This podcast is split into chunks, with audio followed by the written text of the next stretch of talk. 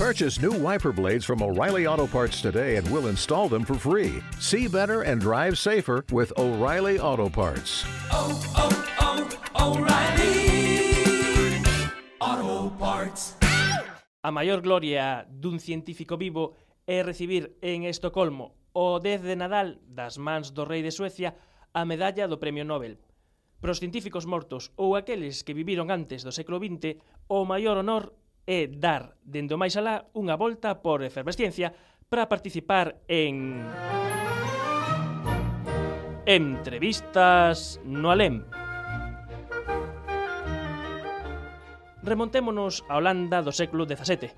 O noso home é un próspero comerciante de tecidos holandés afeccionado a construir para sí mesmo lentes coas que ollar todo o que cae nas súas mans.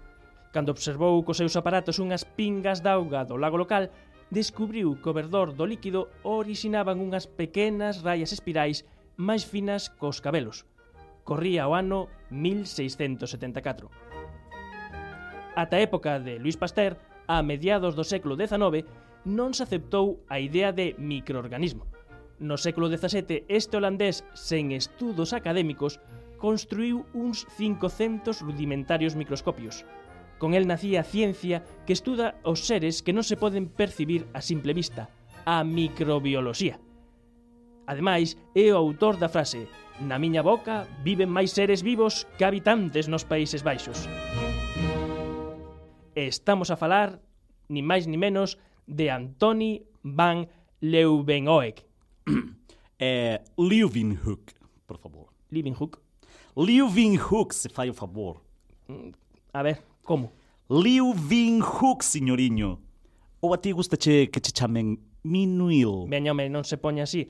Ademais, o seu apelido real, teño que apuntado, é Zoniu... Zonizun. Liu significa Recanto do León, que era como se chamaba o lugar onde vivía a miña familia, na cidade holandesa de Delft.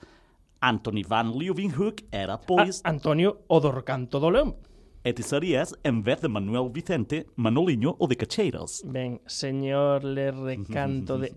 Señor holandés, por favor, imos o gran. Quererás dicir o microbio. Vaciles non, por favor. Quererás dicir vacilos. Xa vale. Vostede non recibiu formación académica, pero era un home dotado dunha gran curiosidade. Sí, sí, sí, sí. De adolescente li moito sobre física e astronomía e máis cousas na casa dun mestre ata os 16 anos, creo. Cando marchei a Ámsterdam para traballar nunha mercería, eh, ali coñecín personaxes moi interesantes, como o pintor Rembrandt, pero sobre todo aprendín a mirar teas. E aí é onde comenzou todo. Cando volvín a Delft, montei a miña propia mercería eh, unha maneira de comprobar a calidade das teas pasaba por estudar con lupa a trama do tecido e a forma de trenzado dos fíos. E deste xeito víase vostede forzado, non tiña outro remedio, que mirar o mundo do pequeno. Claro, para construir lupas de mellor calidade, a miña, chamémoslle, descomunal curiosidade... Ou, outro humilde no alem. Ei, mira que marcho, eh, Manuel? Nada, nada, non, non siga, señor Leu... Continúe, señor comerciante de Ay, a ver, Manuel, que yo escribo. A ver. Liu Vin Hook. Toma. Gracias. Ben, a miña curiosidade, dicía, levoume a aprender pola miña conta o soprado e pulido do vidro, entendes? Coas lentes que construía, montei fixacións para pequenas lentes biconvexas sobre platinas de latón que se usaban como os anteollos actuais, eh, para entendérmonos. E tamén construín estruturas tipo microscopio, eh, nas que se podían fixar tanto a lente como o obxecto a observar.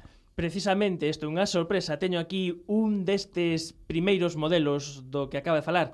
A verdade é que son moi pequeniños, ni mide 10 centímetros, e como di que se poñe o ollo para, para mirar? Ai, sí, mira, eh, tens que poner o ollo, ¿ves? Eh, eh, aquí, claro, aquí tens unhas luces moi raras, así como de, desde arriba, pero eu puña unha vela, sabes? Unha, mm. unha pequeniña vela, e habría que ter un poquinho de, de cuidado para...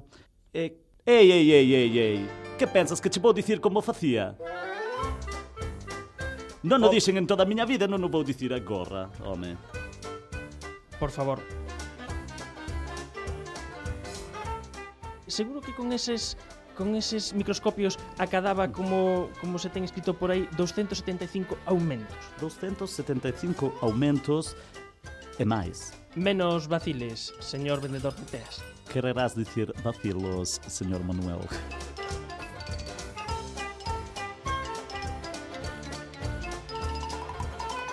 Seguimos, seguimos. Mellor non irse do guión.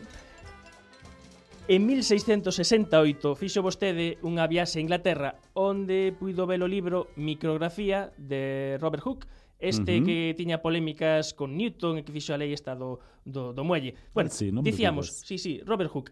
Eh, en este libro, Micrografía, que estaba cheo de imaxes, o microscopio, incluso de teas, causou unha imp fonda impresión en vostede. Sí, sí, sí. Hai que dicir que Hooke foi o primeiro en usar a palabra célula, que vende celiña porque eran mm. celiñas como as dos panais das abellas o que el viu o microscopio sí. nas laminiñas de cortiza. Sí, sí, sí. El puxolle o nome, pero fun eu quen describín todas as clases principais de microorganismos unicelulares. Protozoos, algas, lévedos e bacterias. Xa sabes, cocos, bacilos e demais. Veña, non me sexa vostede enseñoso, señor Liu Ben Hook. O caso é que desde 1673 non deixaba de observar coas miñas lentes todo canto imaginaba. Saliva, sangue, auga estancada, cervexa, grãos de pimenta, insectos, o que me levou a numerosísimos descubrimentos. Realizou vostede a primeira descripción precisa dos glóbulos vermellos no século XVII. Sí, observando capilares da orella dun coello e membranas interdigitais de pata de rá. Mira, Manuel, dime conta de que o sangue sen glóbulos vermellos é un líquido incoloro. Descubriu o ciclo vital de insectos mostrando que as larvas e as pupas proveñen de ovos. Enfrentouse á teoría da xeración espontánea, moi, da, moi de moda naquela época. Sí, sí, demostrei que os gurgullos, eh, as pulgas e os mexilóns non xurdían espontaneamente a partir dos grans de trigo e da area, senón que se desenvolvían a partir de ovos microscópicos. Parece mentira que puidese ver todas estas cousas, señor... A ver, chuleta. Señor Liu Benyuk. Cada vez mellor, Manuel. Eh, vostede fixo as primeiras descripción descripcións de bacterias observando o seu propio sarrio, o sarrio dos seus propios mm. dentes. Sí, sí, sí. Aí foi onde, perdón, onde se me ocorreu a, a, a frase aquela que comentabas ao principio. Mira, resulta que nunha visita dunhas señoras á miña casa tiñan moita curiosidade por ver cousas ao microscopio e ensinelles unha gota de vinagre. Vinagre normal e común. Sí, sí, sí, ou de Módena. Eso eu tiña que probalo con Módena. Bueno, probar. Eh, o veren a cantidade de, de bichiños que había, prometeron non volver usar o vinagre. Foi entón cando lles dixen a frase eh, esa de eh, na miña boca viven máis seres vivos que habitantes nos Países Baixos. Vostede si ah, que, que, un, vostede si que é un finolis. Sí, sí, nunca desaproveitaba unha ocasión para mostrar aos demais as maravillas do mundo microscópico e eh, eh, para divertirme un pouco, claro. Mira, o mellor foi cando unha de, das señoras lle raspei un pouco da súa bonita dentadura e plas, desmaiouse. Imagina, se lle chego a mostrar seme. xa non volverían a... Xa, xa, xa me no, no, non, siga, non siga por aí, non siga por aí Liu Benjuk que hoxe en día este tipo de observacións, sinta que vostede sexa holandés e eh, moi moderno, nin escandalizan nin teñen graza Só faltaría que fixese chistes sobre como conseguía este tipo de Ei, mostras biológicas. Nunca por vía pecaminosa, eh? Sempre como consecuencia natural do coito conxugal. Hm. Está claro que o alén non reconverte as mentalidades. Volvamos, volvamos.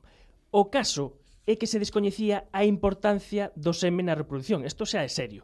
Pero a historia cambiou cando un estudiante de medicina chegou á súa casa cunha enfermidade venérea e lle trouxo unha mostra de semen. Eu xa sospeitaba que aqueles bichiños de cabeza gorda e cun rabiño en forma de látego non debían ter moito que ver coa enfermidade. Así que obtiven unha mostra xa eh, de quen mellor, de, de min mesmo. Non hai que esquecer que vostede viviu 90 anos no século XVII. E seguían aparecéndome eses bichiños. Os eh? espermatozoides.